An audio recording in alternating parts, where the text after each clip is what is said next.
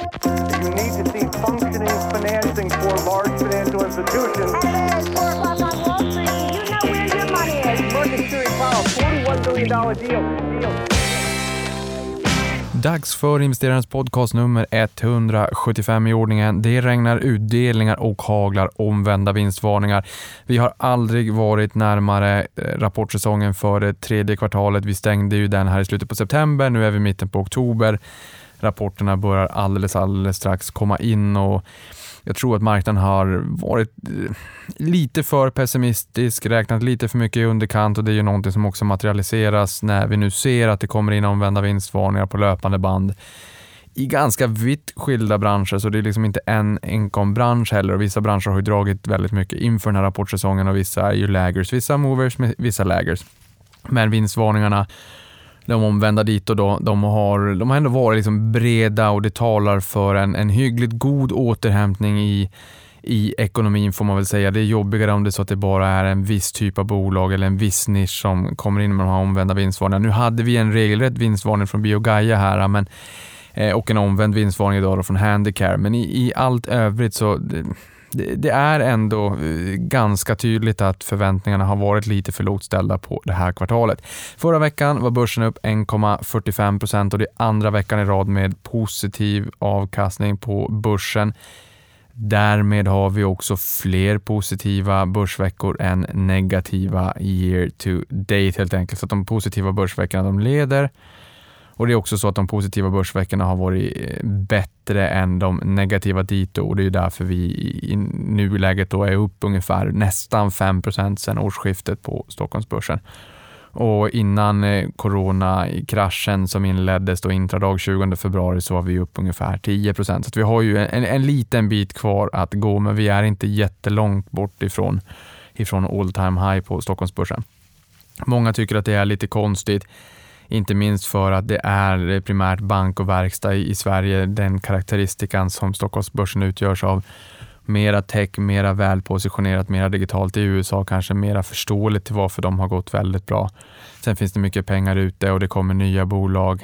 Palantir, Snowflake med flera tech, eh, techifierade bolag som har haft enorma kursrusningar när de har noterats. Vissa har varit direktlistningar, men det visar ju också att det är inte brist på kapital som söker avkastning.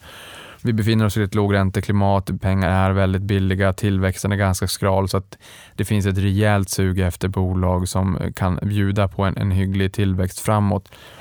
Det finns alltid, alldeles oavsett klimat, det finns inga dåliga väder, det finns bara dåliga kläder. Det finns kanske egentligen inte riktigt någon dåliga marknadsklimat. Det finns bättre och sämre, men det finns ju alltid tillväxtfickor och här ser vi de bolagen där marknadens aktörer förväntar sig tillväxtfickor. De drar rejält och det fortsätter att dra rejält så det visar ju också att det finns ett hyggligt gott eh, risksentiment där ute. Det är inte alls länge sedan vi hade techfrossan eh, på, eh, på börsen här när vi hade den snabbaste korrektionen i mannaminne i USA. Det tog eh, tre dagar för börsen att som mest falla 14 procent. Och sen dess så har de återhämtat sig ganska kraftigt. Vi hade det kraftigaste techrallyt igår. Det här spelas in den, eh, vet jag knappt vad det är för dag idag, den 13 oktober. I, i, igår då så hade vi den kraftigaste uppgången på eh, den amerikanska techsektorn på över en månad. Många bolag var upp jättekraftigt. Apple var upp 6 De håller ju sin Apple Keynote-event eh, eh, 13 oktober ikväll när man förväntar sig då att en ny generations 5G-telefoner kommer att eh, se dagens ljus och, och jag tror det var Wedbush i USA som sa att det här är förmodligen den viktigaste lanseringen av en cykel sedan 2014. Så det ska bli jätteintressant att se vad som händer där. Det ska också bli intressant att se vad som händer med Amazons Prime Day nu har man eh, två dagar då, det är idag 13 och imorgon 14. I fjol så var försäljningen upp 70 year on year och de sålde 175 miljoner prylar under de här två dagarna. Det är ju årets största eh, happening för Amazon då, eh, så vi får se lite grann hur det går den här gången. Det är ju väldigt mycket som talar för att eh, konsumenterna har blivit allt mer digitala och handlar allt mer på nätet i, i coronapandemin, så det ska bli jättespännande att se som någon form av ledande indikator. Eh, sen är det ju också så att Singles Day, Alibabas motsvarighet, är ju betydligt, betydligt större. Men allting är ju relativt och vi får ju relatera Amazons eh, Prime Day då jämfört med Prime Day i, i fjol helt enkelt. Eh, P talet för Stockholmsbörsen, OMXS30, är 22,7. Det kan man tycka är ganska högt. 100-årssnittet 14,15. Eh, men med en 29,5% i förväntad tillväxt i, vin i vinsten då mellan 20 och 2021 så faller den eh, förväntade värderingen ner till 17,5 gång 2021. Det är inte jättebilligt det heller. Det kanske man kan tycka lite grann i överkant. Direktavkastningen landar på 2,6 procent enligt eh, tidningen Börsveckan. Men eh, givet eh, förutsättningarna just nu, en analkande gryende industrikonjunktur där man har handlat upp verkstad som är upp en 40% som snitt, bank är laggard som är en nedgång på långt över 30% year to date. Och det här otroligt låga ränteklimatet där man nu också fick en kalldusch inflationsmässigt så att marknadens aktörer inte längre är helt säker på att vi ska kunna undvika ett eh, förnyat negativt ränteklimat som vi fick 18 februari 2015. Då. Dit vill vi inte tillbaka igen. Det är inte bra för finansrelaterat. Det är inte bra för bankerna heller. Ehm, förhoppningsvis kan vi försöka slippa undvika negativt ränteklimat återigen och man kan ju fundera på effektiviteten i det hela, att gå ner till negativt territorium. Det här är ju någonting som jag också förstår att kanske då Stefan Ingves inte är jättepigg på att göra, men vi får helt enkelt se vart hän eh, det leder. Men det både regnar utdelningar och haglar omvända vinstvarningar. Vi hade ju eh, en del utdelningar, en del bolag som återinförde utdelningarna som vi pratade om förra veckan och sedan dess har vi sett fastighetsbolaget Sagax med David Mindus i spetsen meddela att man återför sitt ursprungliga utdelningsförslag för A respektive B-aktierna, alltså de två aktieslagen. Då. Det här gäller ju inte D-aktier eller preferensaktier. De har ju sin kappning på utdelningar, men A och B-aktien. Sen har vi fastighetsbolaget SBB, alltså ytterligare ett fastighetsbolag då som föreslår höjd utdelning även de.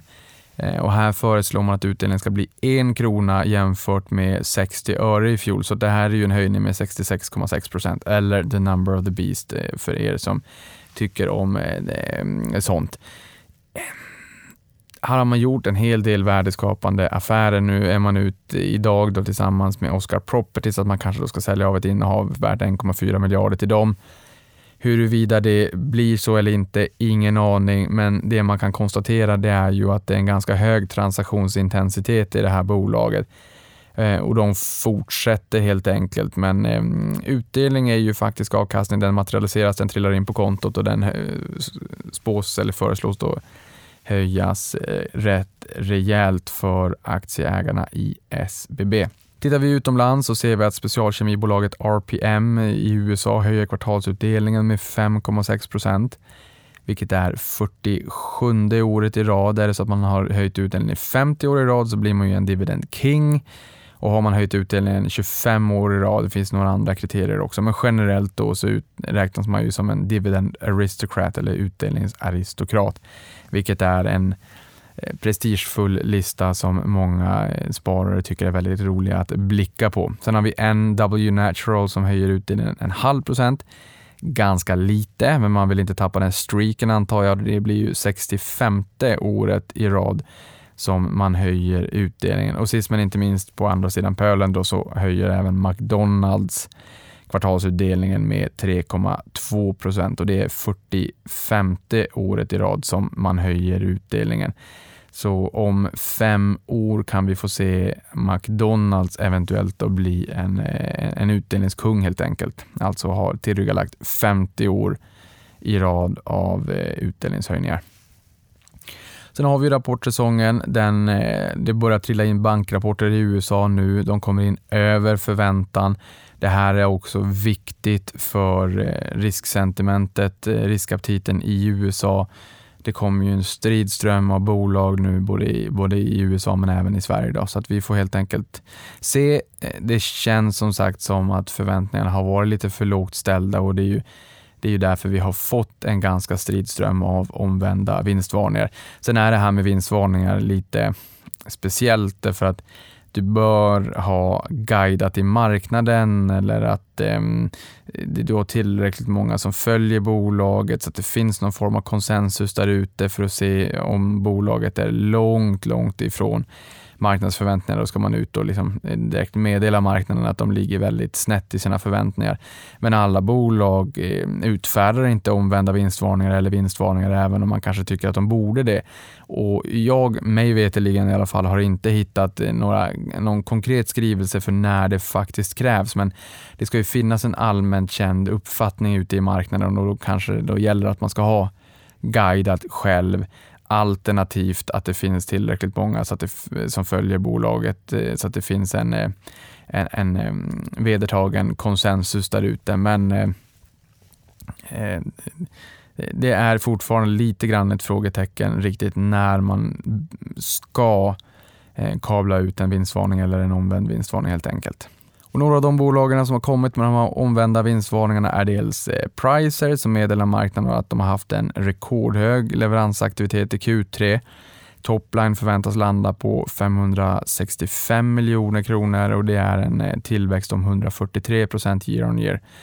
Så det här är det ju en rejäl tillväxt. Rörelseresultatet förväntas uppgå till 75 miljoner vilket ger en rörelsemarginal på 13,3 procent. Det här är en tillväxt då på rörelseresultatet om över 200 procent year on year och aktien upp 17 procent sedan man kablade ut den här omvända vinstvarningen. Sen har vi Academedia som meddelar att omsättningen stiger 6 procent year on year, alltså topline, medan rörelseresultatet landar på 150 miljoner kronor vilket är en fördubbling jämfört med i fjol. Och här pekar man på en fortsatt hög efterfrågan på vuxenutbildning. Jag tänker mig att det är fler som är permitterade och som känner att man kanske vill fortbilda sig på något sätt och använder Academedia tjänster då. Och sen högre semesteruttag year on year, vilket har bidragit positivt.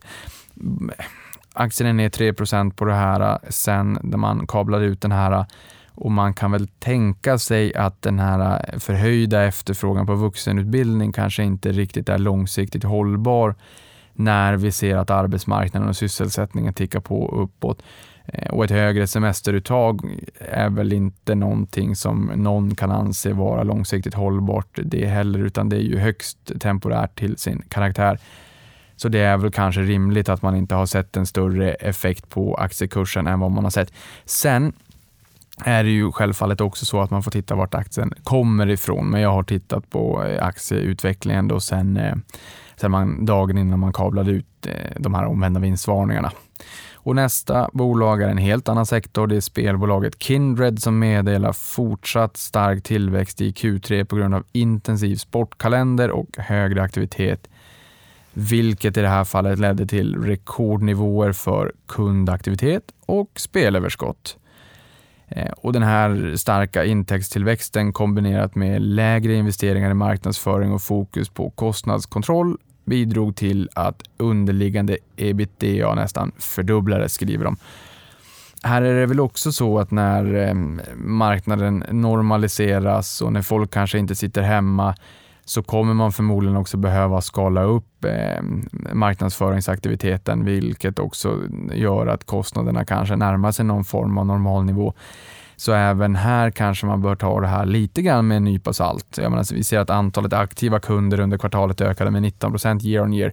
Det ska bli intressant att se hur, hur den eh, utvecklingen eh, påverkas när vi kanske går tillbaka till ett normalt, eh, inom citationstecken, mer normalt liv man befinner sig på arbetet på dagarna efter att vi har fått ett vaccin. Men uppenbarligen så kanske marknaden inte riktigt hade räknat med det här för aktien är upp 17 procent sedan dess.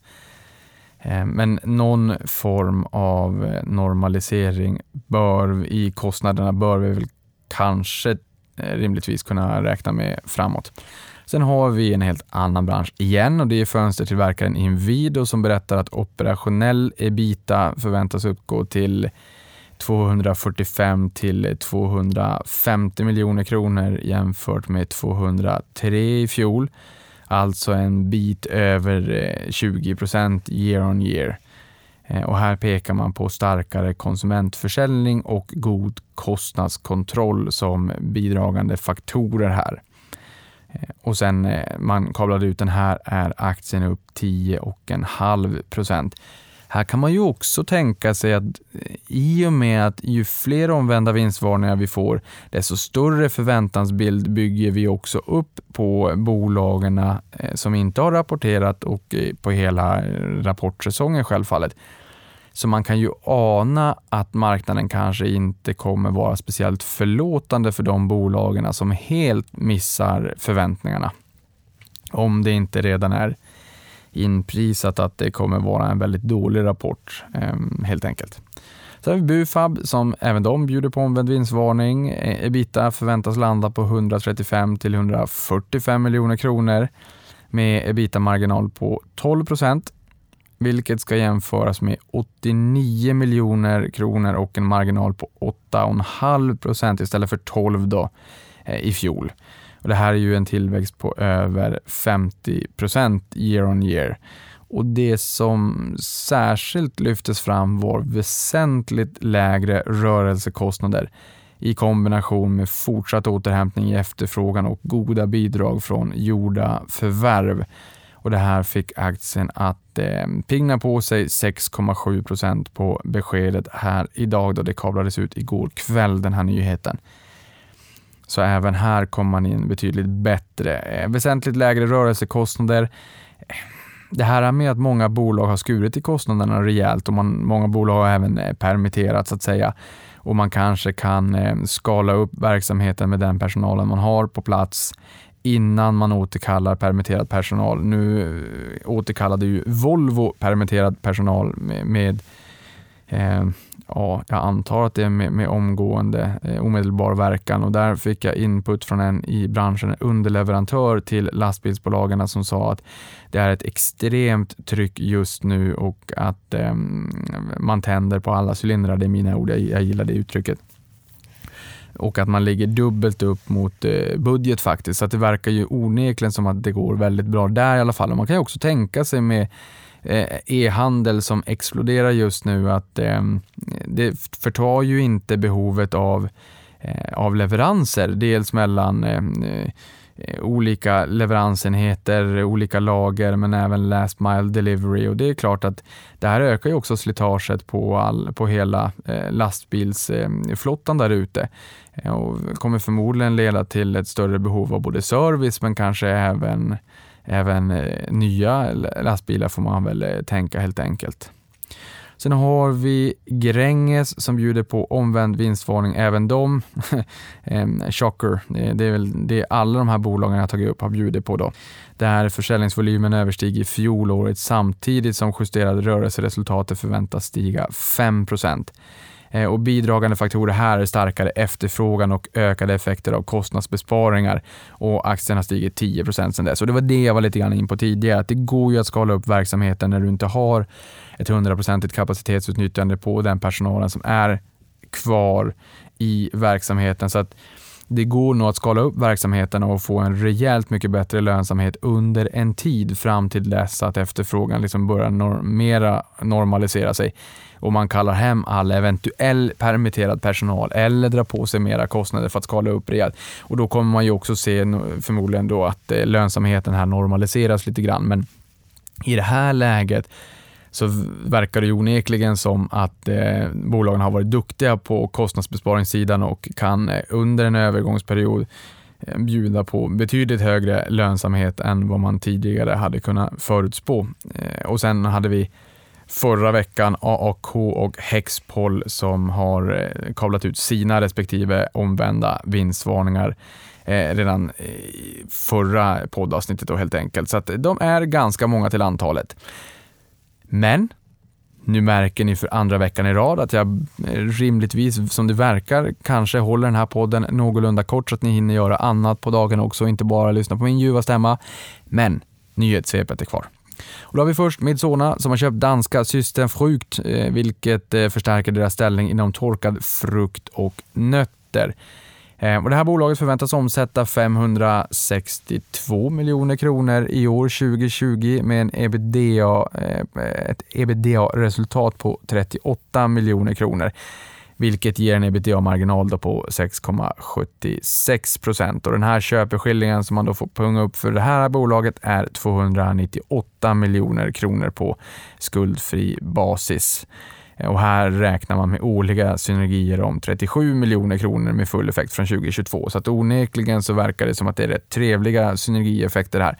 Sen är det ju tyvärr så här att eh, synergier kan man ofta räkna och kalkylera på. Sen så är utfallet, i praktiken brukar kunna bli en annan. Hur det blir i Midsonas fall, det vet jag inte. Det kan ju bli jättebra. De kan ha kalkylerat väldigt noga på det här om man ska akta sig och hålla tungan rätt i mun för att dra alla över en kam generellt så brukar det kunna bli lite jobbigt när man räknar på synergier. Det, det, ser väldigt bra ut från början och sen så kanske det inte alltid materialiseras. Det kanske det gör i Midsonas fall och det kommer vi nog kunna få lyssna lite mer kring för jag har bjudit in Midsona till podden. Vi ska bara hitta ett datum för när de kan komma och gästa då. Sen har vi Embracer som har genomfört en riktad nyemission om nästan 36 miljoner aktier till en kurs om 162 kronor, vilket innebär en rabatt på 7,5 procent. Och det här leder till att bolaget tillförs 5,7 miljarder kronor för eh, kostnader. Pengarna från den här emissionen ska användas till förvärv och bolaget avser att inom citationstecken då, komplettera sin verksamhet genom att addera nya spelutgivare, utvecklingsstudior eller andra tillgångar. Slutcitat. Det här blir spännande. Vi har vant oss vid att eh, Embracer är väldigt duktiga på att förvärva. Lars Wingefors har en affärsnäsa, inte sällan så förvärvar de till väldigt bra multiplar så att nu, nu har de eh, fyllt på ladan med torrt krut. Det ska bli intressant att se vad det kan innebära framåt. Onekligen så lär vi säkert kunna få ett och annat ytterligare förvärv att lägga i eh, Embracers gottepåse. Sen har vi tyska digitala modeundret Zalando som bjuder på en höjning av helårsestimatet eller en klassisk omvänd vinstvarning helt enkelt som vi pratade om här nyss. Eh, och det är vad bolaget beskriver som en exceptionellt stark och lönsam tillväxt i det tredje kvartalet. Jättekul att se den skjutsen som bolag har fått som har varit digitalt positionerade och som har varit ahead of the pack när det kommer till digitaliseringen.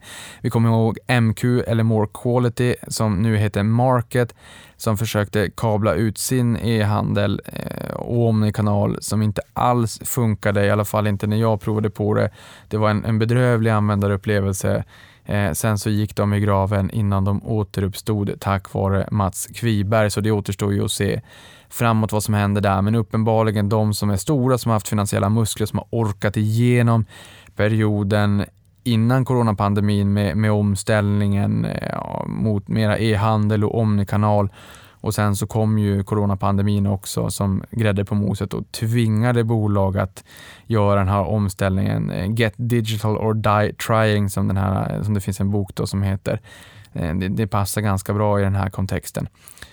Men onekligen så har Zalando varit helt rätt positionerade och Kinnevik som är storägare har ju faktiskt skalat ner sitt innehav lite grann. Eh, men, eh, men är ju fortsatt storägare med en bit över 20 procent av bolaget. Då. Och Zalando räknar med att eh, försäljningsvolymen kommer att öka mellan 25 och 27 procent medan den tidigare bedömningen var mellan 20 och 25 procent för räkenskapsåret 2020. Vi har också sett Boost som har kommit och sopat mattan med sitt resultat. Det var en vinstvarning där också. Lyko har ju också gått som tåget. Det är ju också e-handel fast i ett annat segment. Då. Sen har vi Telia som säljer sin internationella carrier-verksamhet Telia Carrier till Polhem Infra. Och den här köpeskillingen landade på 9,45 miljarder kronor, vilket är betydligt högre än det värde som marknaden satte på verksamheten. Och det här äh, gjorde ju självfallet då att Telia-aktien stärktes på det här äh, beskedet. Ratos väljer att avyttra Bisnode för 3,9 miljarder. Eh, Bisnodes vd är ju gamla vdn för Betsson eh, och likviden här kommer att användas till förvärv som kan skapa synergier inom bolagsgruppen enligt vd Jonas Wiström. Eh, någon höjd utdelning ligger däremot inte i korten. Märk väl att jag sa bolagsgruppen. Det är lite grann den känslan jag fick när Jonas Wiström var här och gästade podden för några avsnitt sedan. Har du inte lyssnat på det avsnittet, lyssna på det och uppdatera din syn kring investmentbolaget Ratos eller numera bolagsgruppen så som de själv målar upp verksamheten numera. Dagens Ratos är inte gårdagens Ratos. Risken är förmodligen betydligt lägre. Den förväntade avkastningen är förmodligen också lägre. Men jag tycker att det är lite finansiell allmänbildning att uppdatera sig kring Rato som lite grann har agerat i skymundan under en ganska lång tid för att man har varit en notorisk underpresterare på börsen under en lång tid och haft en städning framför sig som nu, om man lyssnar till Jonas i alla fall, mer eller mindre är eh, klar då helt enkelt. Sen kablades det ut lite nyheter igår också. Walt Disney kommer primärt att fokusera på streaming framåt, vilket leder till omstruktureringar inom några av bolagets divisioner. Jag har här för att ytterligare accelerera deras DTC eller Direct to Consumer-strategi så kommer de att centralisera deras mediaenhet till en enhet som ansvarar för innehållsdistribution, reklamförsäljning och Disney+. och Det här stärkte aktien 5% i efterhanden. De hade ju en kapitalmarknadsdag i april i fjol där man sa att man skulle lansera Disney+. Plus. Den lanserades i november. I USA kom 15 september i år till Sverige. Eh, och marknaden har ju länge funderat på varför har man bara inte haft det här tidigare och handlat ner Disney och tyckt att så här, ni bör ha en egen innehållsdistribution. Och sen så vart man lite glad, men sen tyckte marknaden att det var läskigt att jaha, nu ska ni göra det här själva och det kommer kosta en massa pengar och ni måste plöja ner en massa pengar för att bygga den tekniska infrastrukturen. Så då darrade man på manschetten igen. Marknaden är aldrig riktigt nöjd, men nu ser vi ju att det går väldigt, väldigt, väldigt bra för Disney+. Plus och De överpresterar sina högt, eller högt ska man inte säga, sina lågt snarare satta förväntningar på eh, prenumerationsbasen i, från det att man lanserade Disney+. Plus. Den har de ju eh, liksom överpresterat rejält och det var väl kanske ingen på marknaden som egentligen eh, trodde på, på den eh, eh, prognosen utan man tyckte att den var väl lite vältagen kanske i underkant. Och nu var det väl det digitalt som rapporterade om att vi har sett nära på 10% av hushållen i Norden som också har eh, skaffat Disney+. Då. Sen har vi gamingplattformen Roblox. Jag har inte jättebra koll på dem. Jag har däremot fått med en liten duvning i bolaget när eh, Carl Armfelt gästade podden här för nu kanske det är ett år sedan, eh, så pratade han om Roblox och att, att det där kom upp då på tal när han träffade utländska investerare på andra sidan pölen. Eh, det är en plattform som låter användaren skapa spel och därefter intäktsdela eh, tillsammans med upphovsmakarna av spel. Och det här bolaget har ansökt om börsnotering. Jag tror att det här bolaget flyger ganska mycket under radarn, men eh, de huserar miljontals spel som är byggda av användarna. Närmare eh, bestämt, bestämt en global community med över två miljoner utvecklare som skapar multiplayer-spel. Grundades 2004, så det var ju verkligen inte igår, men jag tycker ändå att det har flugit under radarn och de anger att två tredjedelar av alla barn i åldrarna 9 12 år i USA använder plattformen. Indikativ värdering 8 miljarder US-dollar, vilket är två gånger högre än värderingen i februari under senaste fundingrundan. Men en plattform, community, där över 2 miljoner utvecklare alltså kan bygga spel eh, och eh, intäktsdela de intäkterna som spelarna genererar helt enkelt. Så det är en rätt spännande affärsidé med en sån gamingplattform kan jag tycka. Sen har vi kinesiska elbilstillverkaren BYD eller Build Your Dream med Buffett i ägarledet som spår en vinsttillväxt netto på 116 till 129 procent under senaste nio månaders perioden. Jag har noterat att i Norge likväl som Sverige så pekar nybilsförsäljningen på höga rekordnivåer för elbilar. Större delen hybrider, mindre delen rena elbilar, men ändå det är rekordnivåer. Därför har vi bjudit in Bil Swedens VD till Avanza-podden nästa vecka. Missa inte det. Den här veckan gästas podden av Adam Kostial som är noteringschef på Nasdaq, Stockholmsbörsen, men som även har ansvar för Europa och amerikanska bolag som är dubbelnoterade. Är man, eh, temat är väl lite grann eh, allt du behöver veta kring eh, börsnoteringar, så missa inte det heller. Eh, jag har en tweet om det här på twitter.com investeraren. Där kan du skriva frågor på den tweeten om det är så att du vill ställa några frågor till Ada. Sen har vi tyska Adidas som emitterar en grön företagsobligation om 500 miljoner euro förra veckan med en löptid på åtta år och den delikata räntan 0 procent. Ehm, så om det inte vore nog så övertecknades den här emissionen fem gånger eh, och tidigare har det varit Alphabet och moderbolaget till Google som emitterade en grön dito med räntan 0,8%. Eh, och Jag tror att det är Henkel och Sanofi, två bolag i Tyskland som tidigare har kunnat betala negativ ränta Jag tror att det var minus 0,05 procent. Men det här är ändå en märkeshändelse. Återigen ett tyskt bolag Eh, fascinerande. Jag såg någonstans också att Italien har lägre räntor, statsräntor än USA på någon av löptiderna.